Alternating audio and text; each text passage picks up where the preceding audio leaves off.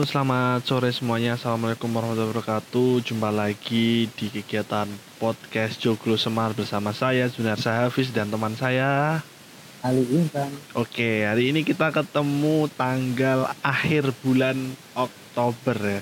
Jadi di eh, sisa-sisa ya, sisa-sisa eh, bulan ini ya, kita berharap semoga cuan selalu berada di pihak kita. Jadi ini adalah akhir pekan di eh, 2021 untuk bulan Oktober. Bulan Oktober. Ya, ah. nah, kali ini kita mau bahas apa ini, kok?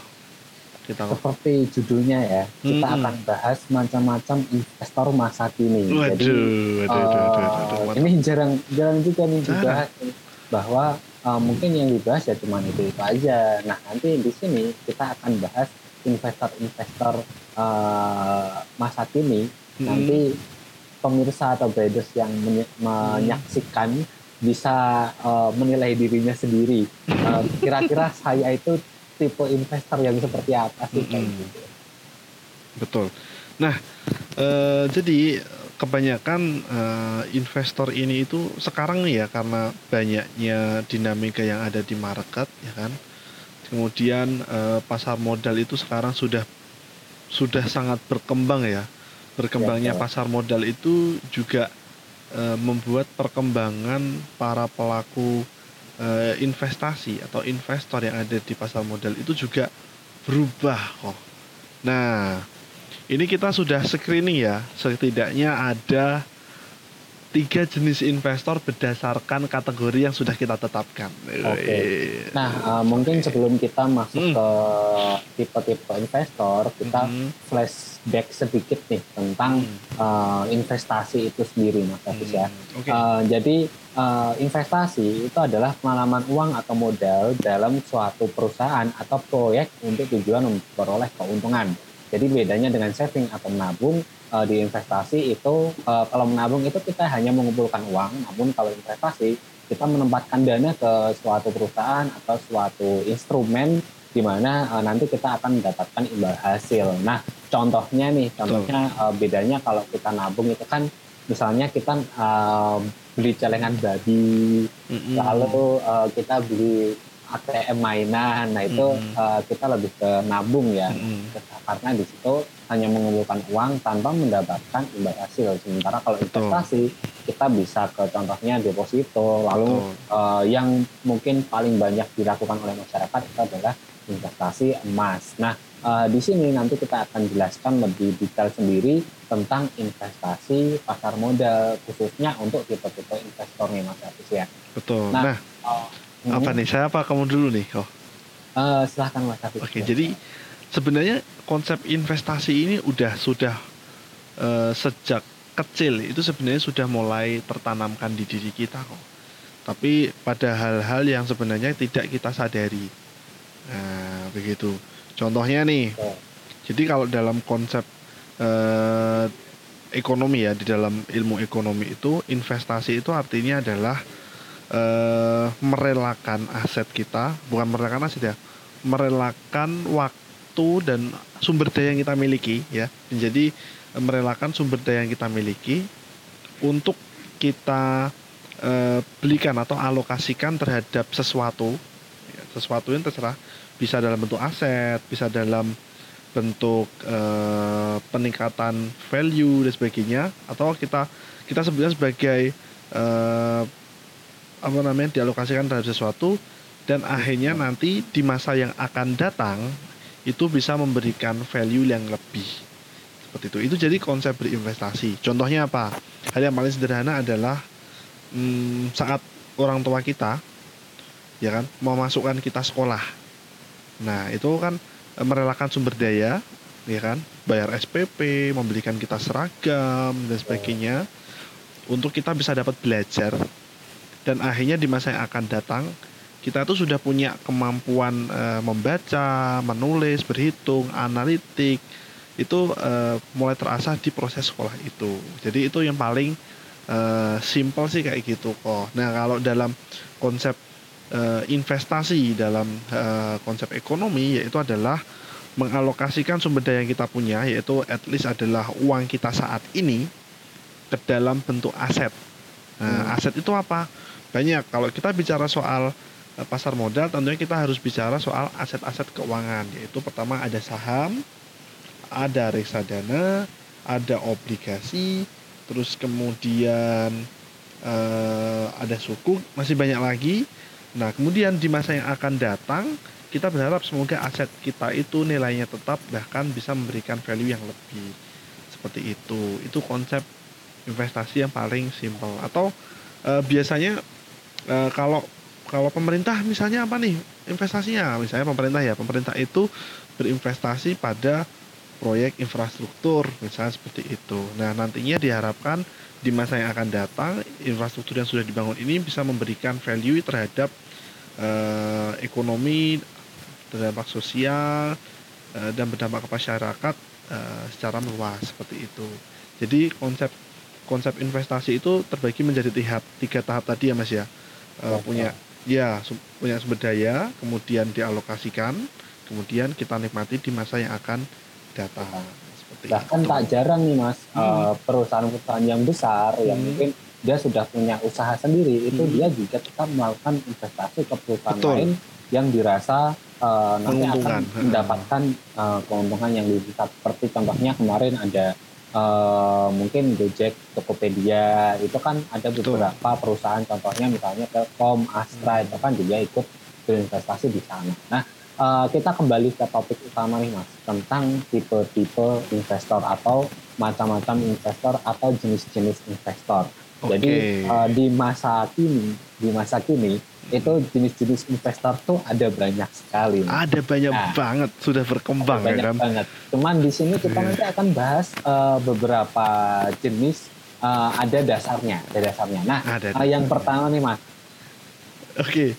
Okay. dulu deh.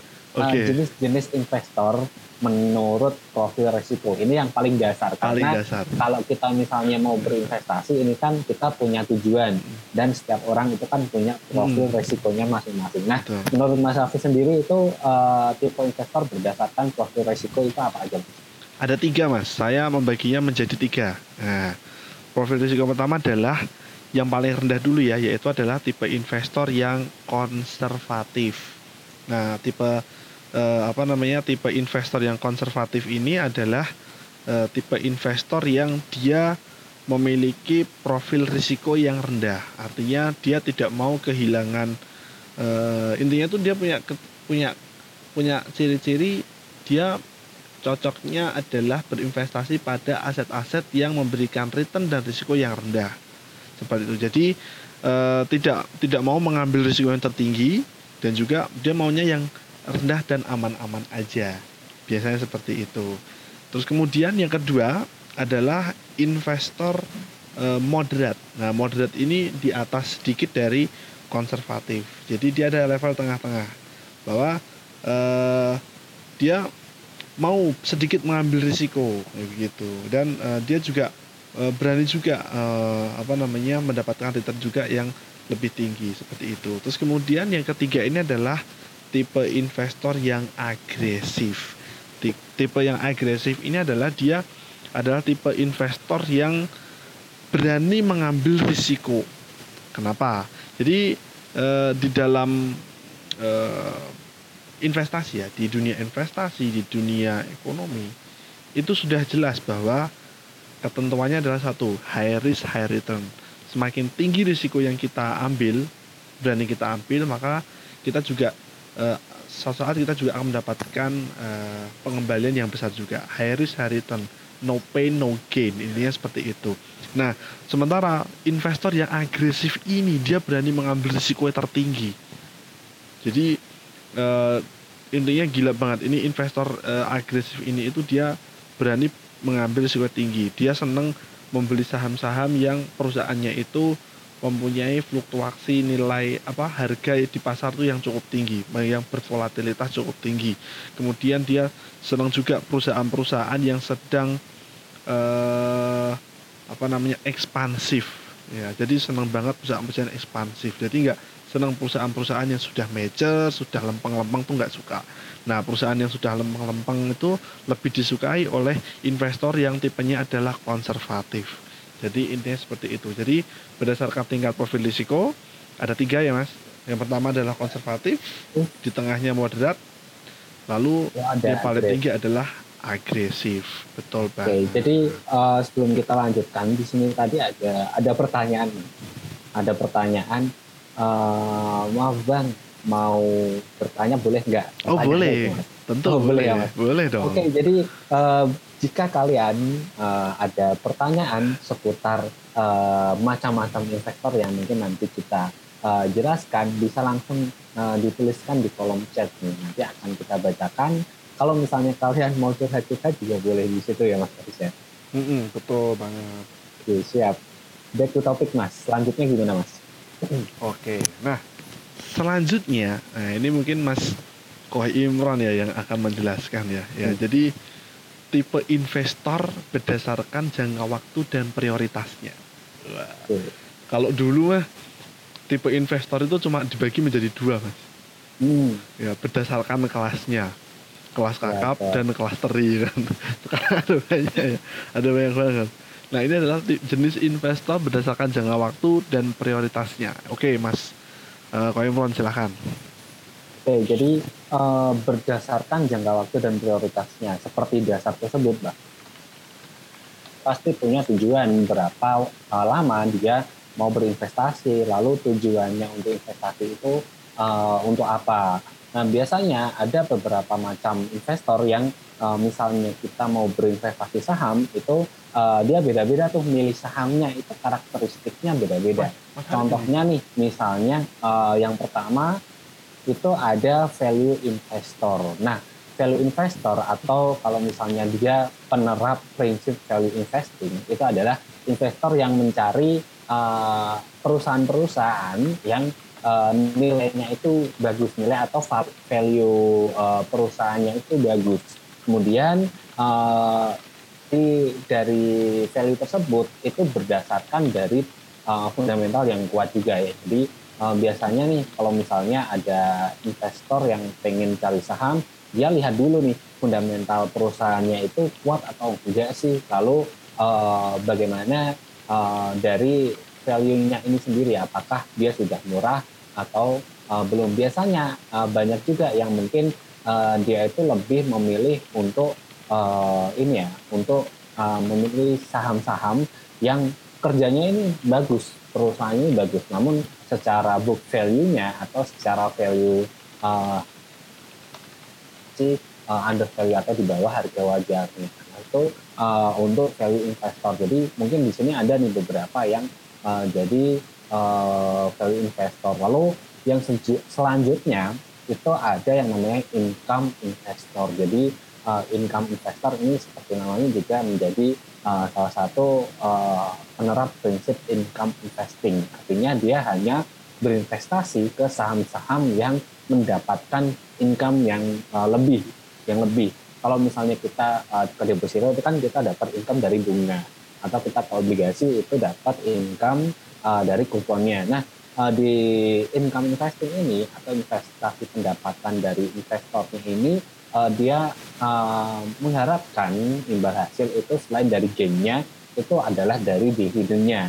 Jadi banyak yang uh, mungkin jadi income investing ini dia uh, melihat perusahaan-perusahaan apa saja sih yang membagikan dividennya itu di, uh, lumayan tinggi. Misalnya nih uh, sektor mining, batu bara itu kan uh, udah terkenal banget bahwa uh, pembagian dividennya itu lumayan tinggi uh, bahkan uh, tidak jarang juga uh, dari seluruh laba yang dimiliki oleh perusahaan itu diberikan ke pemegang saham. Kalau ada juga properti atau uh, properti ya khususnya itu uh, ada juga atau uh, biasa juga uh, pembagian dividennya itu lumayan tinggi juga.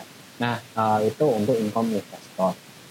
Lalu ada juga uh, ada growth investor atau growth investing. Nah growth investor ini dia memilih perusahaan-perusahaan yang uh, mempunyai pertumbuhan dari periode ke periode berikutnya. Jadi uh, dia melihat nih, uh, melihat walaupun walaupun mungkin walaupun mungkin dari segi harga wajarnya ini um, dari valuasinya itu uh, mahal misalnya dari uh, beberapa rasio itu uh, terhitung mahal namun selama uh, saham selama perusahaan tersebut itu meng, uh, bertumbuh ya bertumbuh kinerjanya maka dia uh, akan tetap ambil karena uh, dia uh, menjadi growth investor dia berinvestasi ke saham-saham perusahaan yang mempunyai pertumbuhan uh, yang yang berkelanjutan ya. Jadi nggak stuck, nggak stuck. Misalnya nih uh, kayak Sido, Sido ini kan dia salah satu perusahaan yang selalu tumbuh setiap periodenya. Lalu ada misalnya di sektor finance itu ada Bank Jabar, Bank Jatim itu juga kalau misalnya kita lihat dari laporan keuangannya itu juga bertumbuh dari uh, periode satu ke periode yang selanjutnya. Jadi itu salah satu contoh uh, growth investor. Lalu ada juga uh, full day trade. Nah ini bedanya dengan investor-investor yang sebelumnya. Ada juga nih uh, investor yang uh, bukan uh, dia investor karena memang berinvestasi untuk uh, mendapatkan keuntungannya. Namun uh, dia uh, menggunakan kesempatan yang lain yaitu trading jangka pendek, trading jangka pendek. Nah, uh, ada yang pekerjaannya justru pekerjaannya itu adalah full day trader. Dia setiap harinya itu uh, trading. Misalnya nih uh, setiap pagi sampai siang itu dia tradingnya di bursa saham. Lalu uh, misalnya dari sore malam atau malam ke pagi itu uh, dia tradingnya ke mata uang atau komoditas misalnya seperti itu. Jadi uh, sehari harinya itu dipenuhi oleh yang namanya trading dinamakan uh, trading uh, dia mempunyai cukup modal cukup modal sehingga uh, saat dia mendapatkan presentase yang sedikit pun, misalnya nih dia punya modal 200 juta, dia dapat uh, dari tradingnya itu dari modal 200 juta dia dapat satu juta misalnya, atau misalnya 100 ribu, 100 ribu itu kan misalnya dari uh, 200 juta itu kan sekitar satu satu sampai dua persenan kan, nah itu uh, cukup untuk membiayai hari-hari sehari kebutuhan sehari-hari. Jadi full day trader itu uh, biasanya dia sudah uh, punya cukup modal sehingga uh, tidak muluk-muluk untuk mencari presentase yang penting dia mendapatkan profit target hariannya misalnya dua uh, persen atau misalnya tiga persen konsultan setiap hari sehingga uh, dia bisa menutup kebutuhannya bahkan uh, masih mendapatkan sisa yang mungkin bisa diinvestasikan kembali itu untuk uh, full day trader Nah itu uh, keempat jenis, keempat jenis investor berdasarkan jangka waktu dan prioritasnya, begitu mas. Jadi cukup beragam juga sebenarnya kok ya kalau kita perhatikan. Nah mm-hmm. ini ada pertanyaan nih kok, kayaknya kita harus mm. jawab dulu ya. Kayaknya okay, kita harus jawab dulu. Ini pertanyaan ini gendeng. Ya. Pertama dari Ipin 21 karena ini hmm. panjang ini panjang tuh. Ipin okay. 21 Buka sesi tanya jawab gak silahkan silahkan bertanya apa pun ya kan? Kita akan jawab. Okay. gitu ya kok ya? Betul. Oke, okay. nah ini ada pertanyaan sebelumnya uh, juga nih mas. Sebelum mungkin kita ini ya ini dari masuk ke, uh, uh, ya. Dari Gipar 38271 nah, kalau investor baru terus mau ikut IPO Mitratel gimana ya? Nah itu sebenarnya cukup mudah ya kok ya? Itu mudah gampangnya itu mudah, mudah. Betul. sekarang itu uh, pesan-pesan saham itu gampang. Iya betul. Oke. nah ini caranya gimana kok? Lebih detailnya seperti apa kok? Oke jadi uh, yang pertama yang pertama adalah kita harus punya yang namanya uh, ini ya akun akun EIPO jadi uh, EIPO ini atau E Street IPO itu adalah uh, salah satu fasilitas dari Bursa Efek Indonesia di mana investor-investor yang ingin memesan saham-saham yang baru saja uh, melakukan IPO atau initial public offering uh, di di mana kita bisa aksesnya itu cukup melalui website. Jadi tinggal buka aja a-ipo.co.id. Nah, di situ kita uh, login dulu, uh, daftar dulu. Jadi kalau misalnya belum punya akun, kita harus punya akun EIPO dulu. Kita daftar dulu, setelah daftar kita submit data yang uh, diperlukan, kita submit data yang diperlukan, nanti kita pilih, kita pilih uh, sekuritasnya itu adalah BRI dan Reksa Sekuritas. Nah, jadi setelah kita daftar nanti kita submit uh, dari pihak dari Jasa Sekuritas itu akan memverifikasi datanya terlebih dahulu. Kalau misalnya sudah uh, lengkap di approve, uh, akun sudah terverifikasi, maka selanjutnya uh, investor bisa melakukan login ke website EIPO dan juga melakukan pemesanan. Nah, loginnya ya sama, nanti tinggal uh, kita login menggunakan username dan juga password yang sudah uh, kita buat untuk username-nya sih email ya, nanti email, hmm. passwordnya juga kita buat sendiri. Setelah itu uh, kita tinggal melakukan pemesanan di di beranda uh, website EIPO Biasanya itu udah ada uh, ya? Ada banyak, iya betul Mas Arif. Di situ ada banyak uh, banyak saham yang bisa kita uh, pilih. Misalnya nih uh, di sini ada yang terbaru itu adalah Mitratel atau PT Daya Mitra Telekomunikasi TBK dengan kode sahamnya nanti adalah MTEL. Nah saat ini ya MTEL ini uh, dia masih dalam periode book building ya. Jadi uh, periode book building ini tanggal 26 Oktober hari ini sampai tanggal 4 November 2011. Setelah itu baru masuk ke periode cooling. Itu caranya tinggal uh, hmm. kita masuk aja ke situ, di situ ada lebih lanjut, kita klik nanti ada uh, formulir untuk pemesanannya, kita tinggal klik pesan, isi aja uh, kita mau pesan berapa lot, uh, di harga berapa, kalau misalnya di periode pooling berarti sudah ada harga fixnya ya atau betul, harga betul, itu uh, tinggal input aja uh, jumlah lotnya yang kita mau pesan itu uh, berapa lembar gitu. Hmm, oke, okay. nah itu tadi uh, cara bagaimana kita membeli saham EI apa IPO. Jadi sangat sangat ya, sangat easy ya kok ya easy sekali. Jadi gampang banget, gampang. Simple. Sekarang itu simple, simple. banget jadi nggak perlu bingung gimana sih caranya pesen. Yang penting kita uh, masuk ke IPO, udah daftar, akun udah terverifikasi, kita tinggal login. Nanti Betul. Dan yang paling penting adalah kita tinggal mm -hmm. yang paling penting siapkan adalah dananya. siapkan dananya. ya kan? Sudah dianalisis bagus-bagus ya kan IPO-nya, hmm. sudah dibaca laporan keuangannya, sudah dipelajari uh, prospektusnya sudah mendaftar EIPO sudah diklik ternyata belum ada saldonya. Itu nggak bisa. Sudah klik pesan eh ternyata eh, belum eh, ternyata uh, belum. deposit. Waduh Aduh. nanti takutnya uh, gagal. Gagal yeah. pesan kita nggak dapat saham IPO-nya dan hmm. ternyata misalnya nih setelah IPO listing di bursa arahnya uh, empat empat hari berturut-turut atau hari hari dalam seminggu itu arah terus gitu kan. Menyebalkan ya auto bagger ya. iya. Iya gitu. Oke nah ini terakhir nih kok. Ini terakhir hmm. adalah jenis investor ya kan berdasarkan tingkat keamatirannya. Uh, ini ini ini versi kita ya. Wah ini uh, ya ini yang belum belum di belum. belum ditemukan ya. Belum ditemukan, belum ditemukan. di uh, di mana lain. Iya. Di mana pun Kenapa itu. ada ada kategori ini? Karena yang pertama setelah munculnya eh, gara-gara pandemi ini ya banyak sekali hmm. menghadirkan investor-investor baru. Ya. Nah, itu alasan uh. pertama. Yang kedua, nah tidak sedikit investor-investor ini yang baru ini dia itu terjun ke market itu berdasarkan melu-melu ikut-ikutan aja ya, ya kan Nah, yang ketiga ya kan setelah eh, karena pandemi teman-temannya pada trading ya kan rame viral ikut-ikutan. Yang ketiga adalah dia ini tidak mau belajar ya kan. Jadi cuma wes pokoknya itu apa aku tak melu. Nah, ya, apa pun beli sahamnya, yang penting punya saham, investor. Nah, itu adalah cara yang salah. Dan ini adalah uh, investasinya ke saham-saham LQ50. Ya, iya. Dia belinya di 100. iya, nggak apa-apa. Itu termasuk salah satu investasi yang uh, tidak tepat. Ya, okay. Nah, ini adalah jenis investor berdasarkan tingkat keamatirannya. Ya. Hmm. Yang pertama adalah panikan, si panik. Ya. Kedua adalah si FOMO. Yang ketiga bukan dan, si FOMO ya mas ini ya. FOMO, FOMO kan yeah. Ya kan? Oh iya. Terus yang ketiga adalah si pom pom.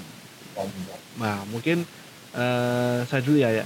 Si panik. Okay. Nah si panik ini itu dia muncul ya, muncul ya kan. Dia tuh muncul sebagai investor akibat sebuah kepanikan. kok kok bisa oh bisa karena gini ketika terjadi pandemi ya kan? Hmm. terjadi pandemi orang-orang pada men- pada rame-rame berbondong-bondong menjadi investor. Dia belum. Oh dia belum. dia panik melihat situasi itu. Hmm. lalu dia men- eh, menjadi investor. Dia membuat akun ya kan membuat akun saham lalu terjun ke market tanpa bekal.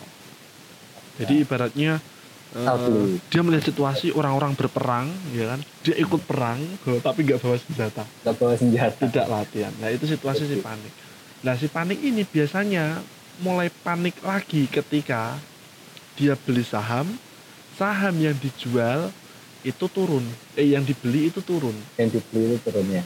lalu yang dia dijual malah naik ya. yang dijual naik. Lalu dia timbul lagi panik lagi. Panik gitu. lagi. panik lagi. Dan akhirnya sifat paniknya ini tidak eh, membuat portofolio baik kenapa Hmm. portofolio tidak bisa eh, tersusun baik Tumbuh. karena panik ini adalah eh, salah satu yang timbul karena psikologinya yang tidak stabil nah padahal kalau kita mau berinvestasi di pasar modal ya kan kalau mau kita terjun di market itu eh, psikologi kita harus stabil dulu emosi kita harus stabil ya Hmm. kan karena e, naik turunnya harga saham di market itu memang sudah wajar karena terjadinya mekanisme yang ada di pasar. Ya. nah kalau kita ini orangnya panikan ya kan? Beli ya misalnya klik sahamnya klik. Habis itu turun. Lalu kita panik. Maka kita akan jual sahamnya. Padahal setelah kita jual sahamnya kita naik sahamnya. Nah itu. naik. Itu panik lagi. Beli lagi Ya, di lagi, lagi, turun lagi. lagi. Ya seperti itu.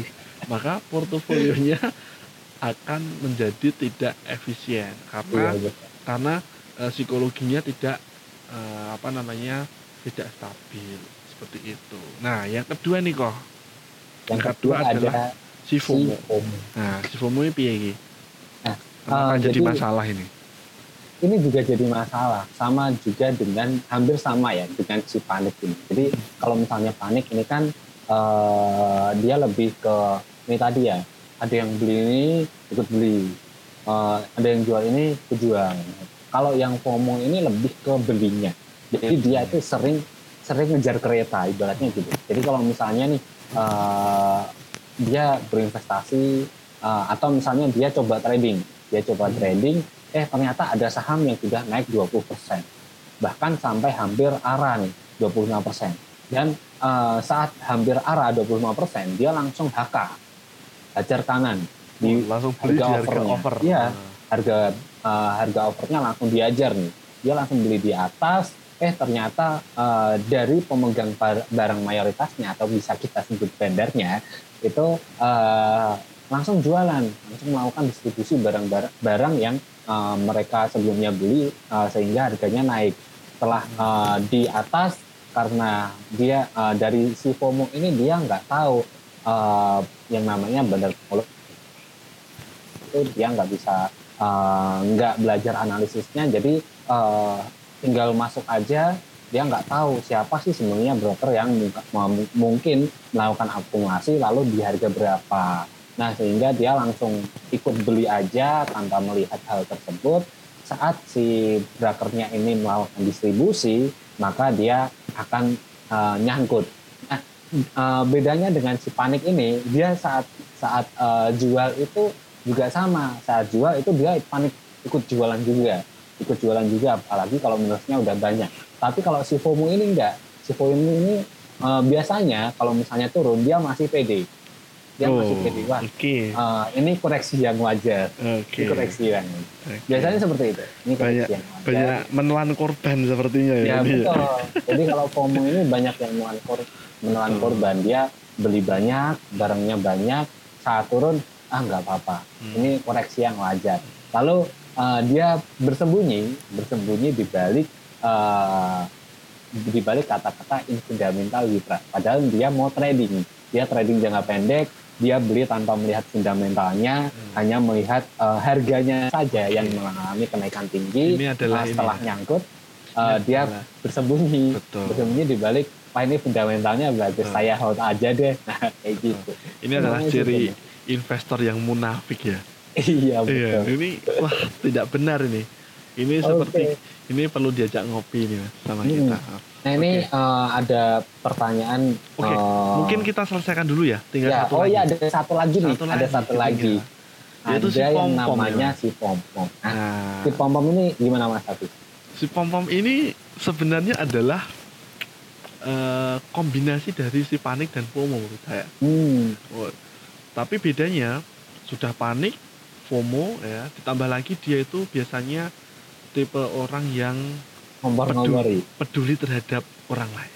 Oh, Iya. itu halusnya ya. Halusnya halusnya. peduli.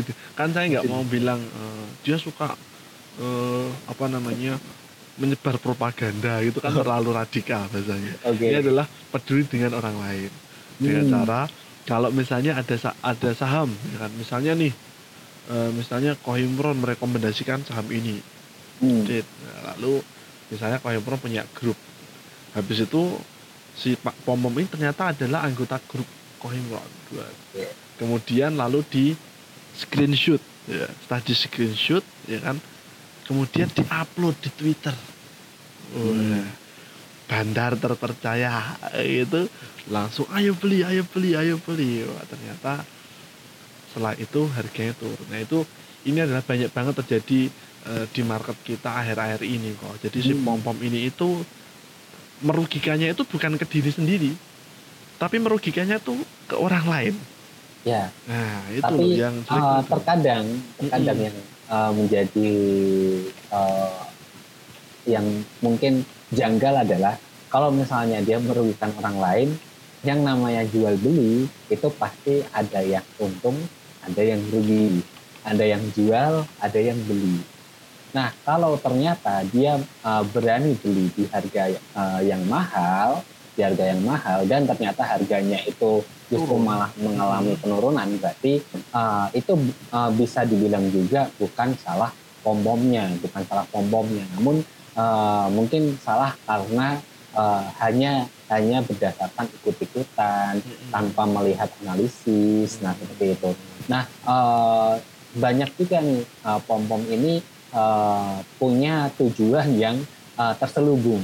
Biasanya betul. ada juga yang eh, dia udah udah beli, terus eh, misalnya belum rugi nih, udah beli, udah mulai naik, kok belum sampai ke TP, dia pom-pom, dia kirim ke grup-grup, wah ini ada rekomendasi bagus, ada Betul. rekomendasi bagus, banyak yang beli, harganya naik, dia ikut jualan. nah ini mirip Atau ada juga buzzer ya? Ada juga yang eh, dia nyangkut nyari temen, oh, ya, nyangkut nyari temen, ada. Jadi eh, dia itu eh, awalnya panik, jadi eh, harganya naik, dia FOMO juga, dia eh, dia panik ikut beli, lalu pas jual dia juga panik, gimana nih eh, saham saya gimana nih nyangkut nih, wah eh, dia ada ide, wah ngajak temen-temen aja, jadi temen-temennya disuruh beli, biar disuruh ada beli, temennya biar ada temennya, biar ada temennya atau biar uh, menambah demand di pasar sehingga harganya naik. Kalau misalnya dia jual itu uh, enggak terlalu rugi banyak gitu. Oh. Jadi uh, itu tadi ketiga jenis investor berdasarkan tingkat keamaturannya. Nah di sini ada, Ada pertanyaan, pertanyaan, terakhir ya. sebelum kita tutup betul uh, betul pertemuan kita pada sore hari ini. Uh, di sini pertanyaannya betul. dari siapa ini kok sama kayak tadi yang menanyakan apakah kita boleh bertanya. oh ya Gitu. oke Nah ini Dari- pertanyaannya adalah Nah, gimana caranya ngatur portofolio yang bagus dan berapa saham yang harus dimiliki untuk jangka panjang, emiten apa saja yang layak untuk dikoleksi. Oke. Gimana Mas? Kalau racikannya Mas Hafiz gimana Mas? kalau saya ya Hmm, karena rahasianya itu bukan se- di seberapa banyak saham yang dikoleksi. Kalau saya ya. Bukan seberapa banyak misalnya gini dalam satu sub gitu Hmm, itu belum belum kalau saya bukan bukan seberapa banyak jenis sayuran yang ada di sub tersebut kalau saya. Tapi Hmm. adalah tujuan kenapa membuat supnya intinya di situ. Hmm. nah dalam hal ini adalah kalau saya eh, kita kembali nih kembali ke eh, tujuan investasi. Jadi tahap mengatur investasi itu ya itu ada tiga eh, terbagi menjadi dalam tiga step. Ya kan? yang pertama itu adalah akumulasi dulu akumulasi Mhm. aset kita ya kan? Kemudian pilih sahamnya lalu ada goalsnya. Nah eh, terkadang kita juga boleh nih misalnya kalau eh, kalau misalnya kita mau kayak saya logika kan kalau kita mau bikin sup gitu ya. Kenapa kok saya pengen bikin sup? Oh ternyata kayaknya saya pengen sup yang gini nih gitu loh. Jadi di depan udah udah udah ada interpretasi oh saya pengen makan sup yang seperti ini. Sama dengan berinvestasi juga sama.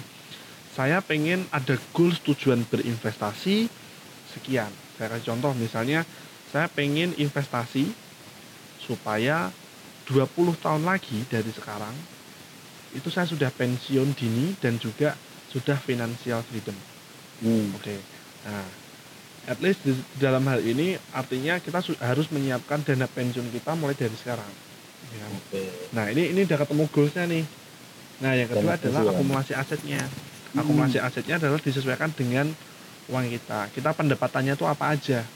Pendapatan kita itu misalnya, ya, misalnya kalau dia masih uh, meniti karir sejak awal ya, itu mesti biasanya hmm. dari gaji dulu. Oke, dari gaji berapa disisikan uh, sekian persen uh, dari gaji sekian persen dari gaji itu harus dan wajib untuk membeli saham nah sahamnya berapa itu bukan seberapa banyak sahamnya ya tetapi lebih ke kualitasnya sih lebih ke kualitasnya kalau memang dirasa uh, kalau dalam kita tarik misalnya tujuan kita tadi investasi 20 tahun ke depan. Oke kita cari saham-saham yang track recordnya selama 20 tahun terakhir ini dia itu memberikan return yang tinggi. Dia punya kinerja yang bagus. Salah satu contoh misalnya BRI tapi ini bukan rekomendasi ya BRI BRI itu selama 20 tahun ke belakang ini sejak tahun 2001 sampai tahun 2021 ini dia kenaikan harganya itu mencapai 1400 persen mas. Itu kan angka yang besar nah oke okay, boleh taruhlah pilih satu BRI kemudian eh, ke depan kira-kira apa yang oke okay, misalnya oh misalnya sedang bisnis teknologi. Oke, kita ambil contoh misalnya uh, bisnis teknologi kita ambil katakanlah uh, era jaya atau era era ya, era era jaya swasembada. Oke, kita ambil era. Kenapa? Di depan semua orang itu pasti memiliki gadget. Akan ada terjadi digitalisasi. Oke, kita pilih itu. Tapi kita juga perhatikan selama 20 tahun ke belakang, periode yang datang, kinerjanya seperti apa? Apakah bertumbuh atau hanya stuck di situ? Jadi seperti itu. Jadi intinya racikannya adalah bukan seberapa banyak saham yang kita punya, tapi adalah kualitas saham yang kita pilih itu sudah benar atau tepat dan tujuan investasinya itu untuk apa. Jangan sampai kita membeli saham kayak si panik tadi itu tidak memiliki tujuan seperti itu. Jadi kita kita tetapkan dulu tujuan investasinya di depan, habis itu kita sesuaikan dengan kondisi keuangan kita, lalu kita lalu uh, kita racik sahamnya yang tepat untuk kita investasi itu apa aja seperti itu. Mungkin kalau dari Kohemron punya uh, punya referensi sendiri nih gimana kalau dari Kohemron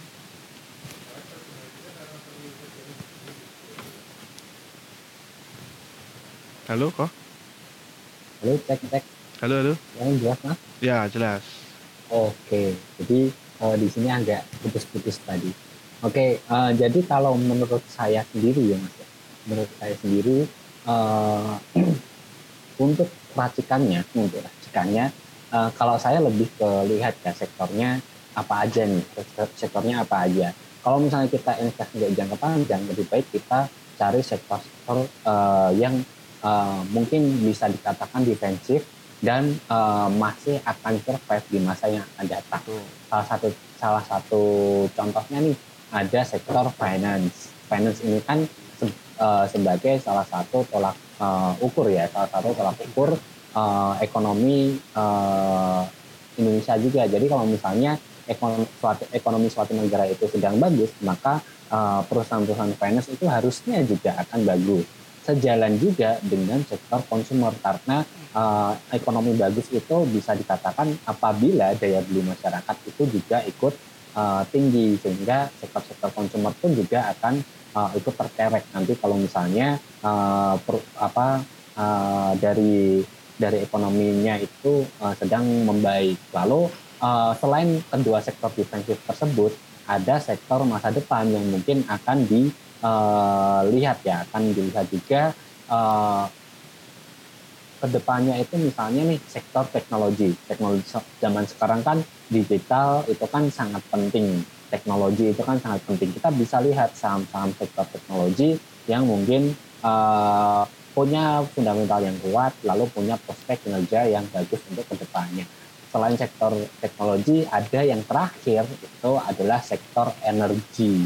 Nah, sektor energi itu mau gimana pun energi itu tetap dibutuhkan, baik itu energi dari fosil ataupun dari yang sekarang di, sedang digencarkan itu adalah renewable energy seperti itu. Jadi uh, bisa dilihat tuh uh, di indeks uh, bursa, indeks bursa itu uh, itu bisa kita lihat ya. Misalnya kayak tadi IDX Finance itu ada sektornya, lalu IDX Consumer itu ada sektornya Lalu IDX Techno itu juga ada sektornya, kita bisa lihat sahamnya apa aja. Lalu sektor IDX Energy itu juga kita bisa lihat uh, saham-saham di situ apa aja. Jadi kita tinggal lihat aja di sektor-sektor uh, di indeks-indeks yang ada memilih sahamnya itu apa saja.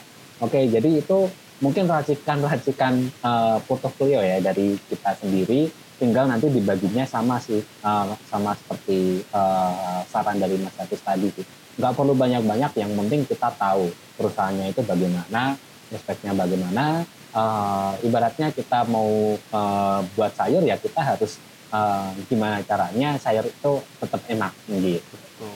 Oke itu mungkin uh, sekian dari kami ya untuk penjelasan macam-macam investor atau jenis-jenis investor masa kini dan juga tips-tips sedikit untuk uh, berinvestasi. Ada tips lagi lain mas Hafiz? Cukup. Oke, mantap. Jadi kita akan ketemu lagi di uh, bulan depan ya. Di bulan depan, uh, khususnya di Selasa minggu pertama, minggu kedua, minggu ketiga, minggu keempat. Pokoknya hari Selasa gitu ya. Pokoknya hari Selasa, okay. selah-selahnya menungsa. itu selah-selahnya uh, manusia maksudnya gitu. Nah, menungsa, menungsa mas. Bagusnya itu tetap menungsa. Itu bahasa okay, Jawa ya. Kita akan ketemu terus nih dengan saya Ali Imran dan teman saya Zunar Sahabis dalam podcast Joglo Semar. Sampai jumpa. Sampai jumpa.